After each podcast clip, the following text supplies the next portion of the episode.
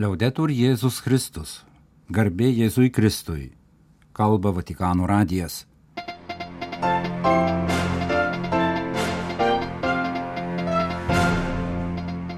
Malonus klausytojai šioje pirmadienio Liepos 10 programoje popiežiaus Pranciškaus audiencijos pirmadienį.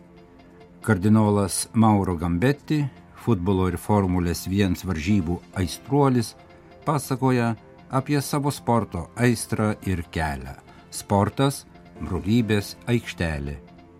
Vyskupų sinodo narių tarpe aštuoni nauji kardinolai. Naujojo tikėjimo mokymo dikasterijos prefekto ir nominuoto kardinolo Viktoro Manuelio Fernandezo interviu. Teologija tarnauja asmeniui.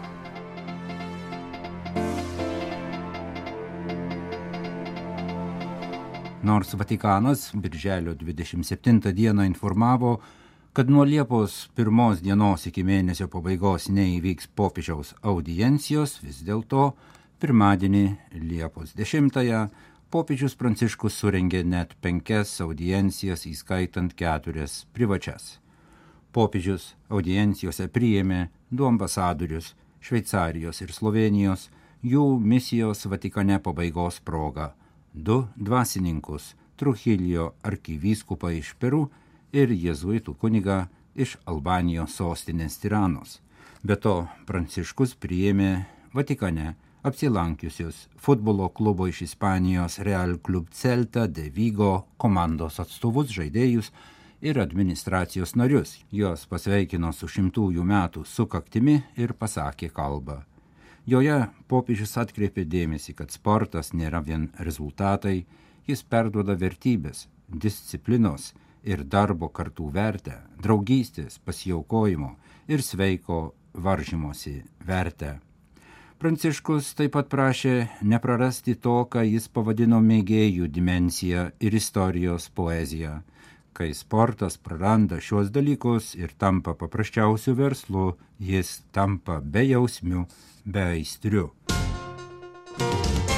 Kardinolas Mauro Gambeti, futbolo ir Formulės 1 lenktynių aistruolis, pasakoja apie savo sporto aistrą ir kelią. Vaikystėje įstringai žaidęs futbolą mažoje provincijos komandoje netoli Imolos, italų kardinolas nuėjo ilgą kelią. Vidurinėje mokykloje treniravosi kaip bėgikas, Didžiulis futbolo komandos Juventus gerbėjas, kuris prilipęs prie radio sekdavo Juventus žygdarbius ir žinojo visus įvarčius. Formulės vienas entuziastas su draugais vykęs į Imolos didžiojo prizo varžybas. Prieš metus jis taip pat grįžo į didžiojo prizo lenktynės, jau būdamas kardinolu.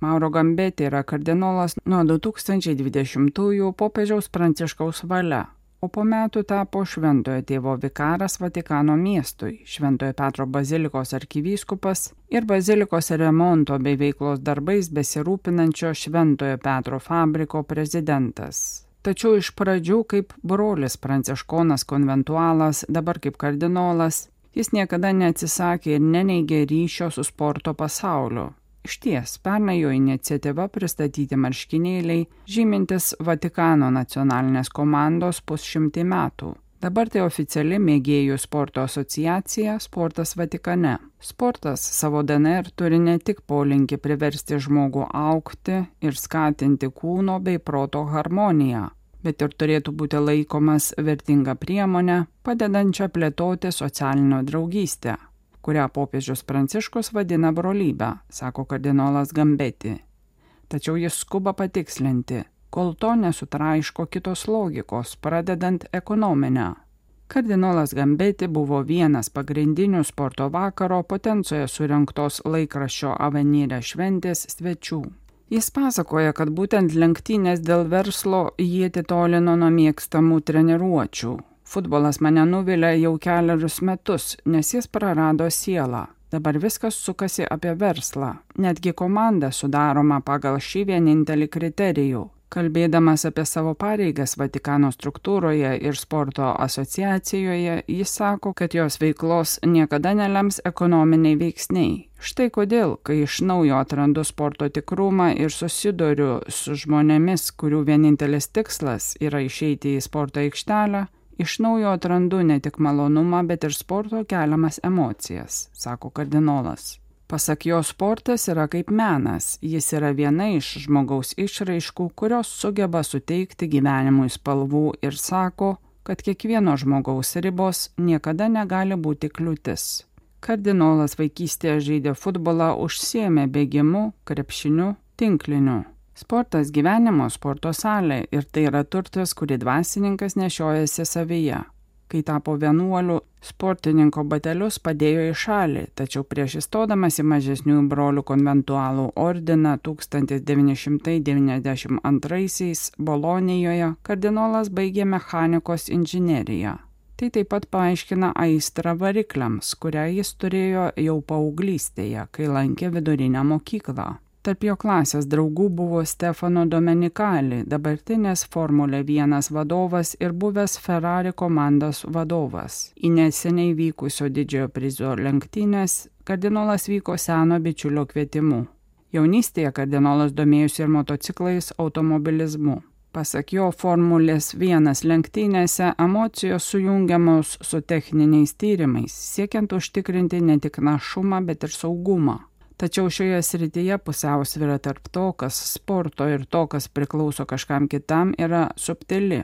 Tai grinas utilitarizmas, sako kardinolas, ir grįžta prie samprotavimo apie sporto pašaukimą. Pasak jo sportas yra santykiai, tai ne tik individualios pratybos, bet ir sąveika su kitais. Ji ragina pasidalyti atsakomybę ir laikytis taisyklių. Sportuoti naudinga ne tik asmeniui, bet ir visai visuomeniai nes tai kviečia susitikti ir solidarizuotis, mano kardinolas. Tačiau yra degeneracijos pavojus. Taip atsitinka, kai prarandama pirminė sporto prigimtis. Sportas sukurtas tam, kad būtų smagu, tai neatlygintina pramoga, kur galima išreikšti save išlaisvinant savo potencialą. Kita vertus, jei sporto valdymas paremtas vien pelnu, jis tampa greunančiu veiksniu asmeniui ir žmonėms tai dopingo skandalai ir kiti veiksniai. Nevaržomas veržimasis vartoti, sėkmės troškimas, stimulas visada norėti daugiau. Kardinolas laikosi nuomonės, kad būtina ugdyti sąžinę. Turime palidėti žmonės, kad nepamirštų autentiškos sporto prigimties. Tada sportas gali padėti sukurti tikrai broliškesnę visuomenę, apibendrina kardinolas Mauro Gambetti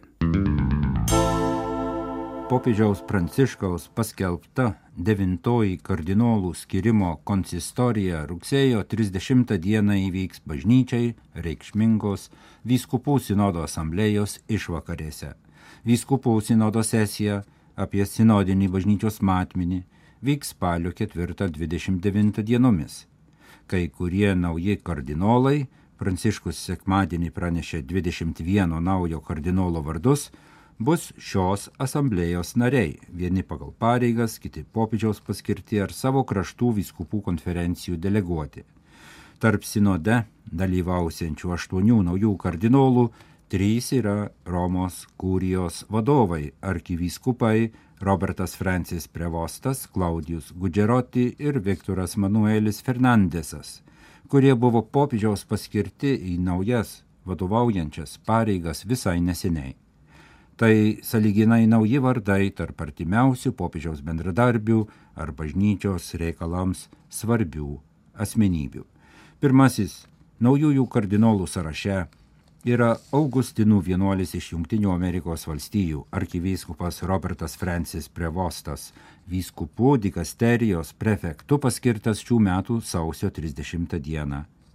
1955 metais Čikagoje gimęs dvasininkas iki pat paskirimo vadovauti šiam visuotiniai bažnyčiai labai svarbaus apaštalų sosto sektoriui, nuo kurio priklauso viso pasaulio vyskupų skirimai, beveik keturis dešimtmečius dirbo Augustinų misionieriumi Peru, kol 2014 metais buvo Pranciškaus paskirtas vyskupu.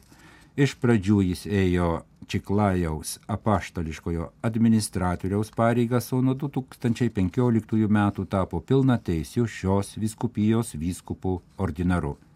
Nominuotasis kardinolas Prevostas pradėjo eiti vyskupų dikasterijos prefekto pareigas šių metų balandžio 12 dieną vietoj kanadiečio kardinolo Marko Uolė, kurio vardas taip pat įtrauktas į vyskupų sinodo narių sąrašą. Arkivyskupui Prevostui rugsėjo 14 dieną, likus porai savaičių iki kardinolų skirimo konsistorijos sukaks 68 metai amžiaus. Antrasis nominuotų kardinolų sąraše yra paštališkojo nuncijaus Klaudijaus Gudžeroti vardas.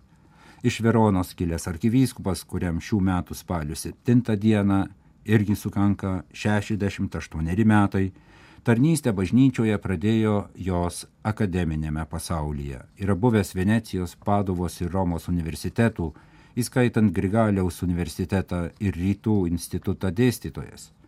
1985 metais pradėjo tarnystės šventajame soste ir jos diplomatinėje tarnyboje karjerą, kurią daugelį metų vykdė nepriklausomose posovietinėse valstybėse - nuo 2002 Sakartvele, Armenijoje ir Azerbaidžiane, nuo 2011 Baltarusijoje, nuo 2015 metų Ukrainoje. 2020 metais Pranciškus jį paskyrė misijos Didžiojoje Britanijoje vadovu. 1985 metais arkivyskupas Gudžeroti pradėjo dirbti Vatikane rytų bažnyčių kongregacijoje, buvo jos pasekretorius. Po 20 metų bažnyčios diplomatijos patirties Pranciškus lapkričio pabaigoje jį pakvietė sugrįžti į Romą ir į rytų bažnyčių dikasteriją. Klaudijo Gudžeroti paskirdamas jos prefektu. Nominuotasis kardinolas Gudžerotis šias pareigas perėmė iš popiežiaus pranciškaus kraštiečio Leonardo Sandry, kardinolų kolegijos vicedekano, šių metų sausio 21 dieną. Trečias vardas busimų kardinolų sąraše Viktoro Manuelio Fernandeso iš Argentinos kilęs arkivyskupas tik prieš savaitę, Liepos pirmą dieną, buvo paskirtas tikėjimo mokymo dikasterijos prefektu ir dar nepradėjo eiti vadovo pareigų šiame svarbiame Vatikano departamente, kuriam praeitie vadovavo tokie žinomi teologai kaip Josefas Ratzingeris, vadovavęs buvusiai tikėjimo mokymo kongregacijai beveik pustrečio dešimtmečio ir vėliau tapęs popiežiumi Benediktu XVI. Ir jo kraštietis kardinolas Gerhardas Milleris, beje, popiežiaus skirimu taip pat dalyvausiantis viskupų sinodo asamblėjoje. Pranešama, kad nominuotas kardinolas Fernandesas pradės eiti tikėjimo mokymo dikasterijos prefekto pareigas įpusėjus rugsėjo mėnesiui ar kiek anksčiau arkivyskupui Fernandesui Laplata arkivyskupui emeritui Liepos 18 dieną sukanka 61 metai. Tikėjimo mokymo dikasterija tradiciškai turi didelį vaidmenį Romos kurijoje, jos vadovams tenka sunkios ir delikačios pareigos, o šiuo metu taip pat užduotis pertvarkyti dikasterijos veiklą pagal naujosios Romos kurijos konstitucijos prioritetus. Apie tai ir apie kitus dalykus argentiniečio arkivyskupo, kuris yra tarp naujai paskirtų kardinolų, kaip Liepos 9 pranešė pats popiežius Pranciškus, Viktoro Manuelio Fernandezo interviu.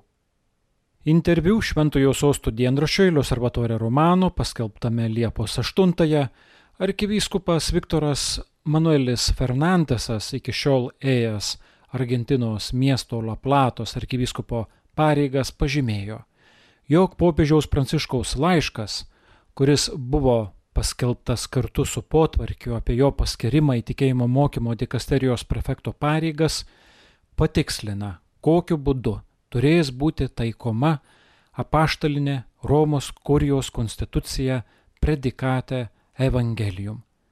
Pasak jo, popiežius prašo teologijos, kuri bręsta, auga ir yra gilinama dialogė su teologais, pokalbiuose su mokslu bei visuomenė. Tačiau visa tai turi tarnauti evangelizacijai.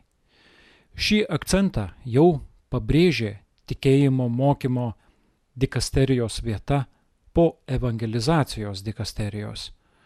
O tai, kad prefektų popiežius parinko teologą, kuris taip pat buvo parapijos kunigas, patvirtina, intenciją kitų būdų. Ką šiandien reiškia saugoti tikėjimą? Pranciškus anot argentiniečio arkivyskupo nurodo, kad saugojimas yra turtinga savoka. Ji apima priežiūrą, tačiau popiežius priduria, jog tikėjimo doktrina geriausiai saugo vis didesnis ir vis geresnis jos supratimas. Ir tokia situacija, kur yra kovojama su galima erezija, turėtų paskatinti naują teologinės minties šuolį. Tai geriausiai apsaugo tikėjimą. Naujasis prefektas pateikė jensenizmo 17 ir 18 amžiuose Prancūzijoje gana populiarios teologinės interpretacijos pasmerktos Romos pavyzdį. Pasak jo, jensenizmas išsilaikė ilgai dėl to, kad buvo tik smerkiamas ir nebuvo reaguojama į už klaidų slipėjusias kai kurias teisėtas intencijas, nebuvo adekvačios arba tinkamos teologinės raidos. Kaip paskelbti Evangeliją? Perduoti tikėjimą vis labiau sekularizuotuose mūsų visuomenių kontekstuose. Visada stengiantis geriau atskleisti visą tikėjimo grožį ir patrauklumą, neiškraipant jo ir neužkrenčiant pasaulio kriterijais, bet visada ieškant ir atrandant sąlyčio tašką, leidžiate jam būti išties reikšmingam, iškalbingam, vertingam tam, kuris jį girdi. Be dialogo su kultūra rizikuojame, kad mūsų žinia, kad ir kokia graži ji būtų, taps nereikšminga sakė Viktoras Manuelis Fernandesas ir pridūrė, kad už tokį suvokimą jis yra dėkingas italų kardinolui Gianfranco Ravazzi, buvusiam popiežiškosios kultūros tarybos pirmininkui, su kuriuo dirbo kartu, būdamas šios tarybos nariu.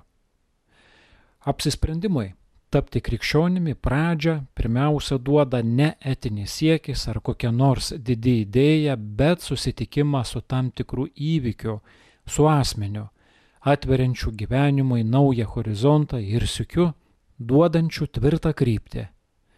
Komentuodamas šiuos Benedikto XVI enciklikos Deus Caritas Est žodžius, naujasis tikėjimo mokymo dikasterijos prefektas pabrėžė, kad juos visada verta priminti. Jokia religinė doktrina nekeičia pasaulio be tikėjimo įvykio, be susitikimo, kuris perorientuoja gyvenimą. Tai galioja ne vien krikšnybei, bet ir visoms religijoms. Be gyvojo Kristaus, mylinčio ir gelbstinčio patirties negalime statydinti savo buvimo krikščionimi, o pikimasis ir ginčiai su visais nepadės aukti šiuo klausimu kitiems žmonėms. Benedikto XVI žodžiai yra kvietimas vystyti tvirtą ir argumentuotą teologiją, kuri tarnautų susitikimo įvykiui tarnautų asmeniui.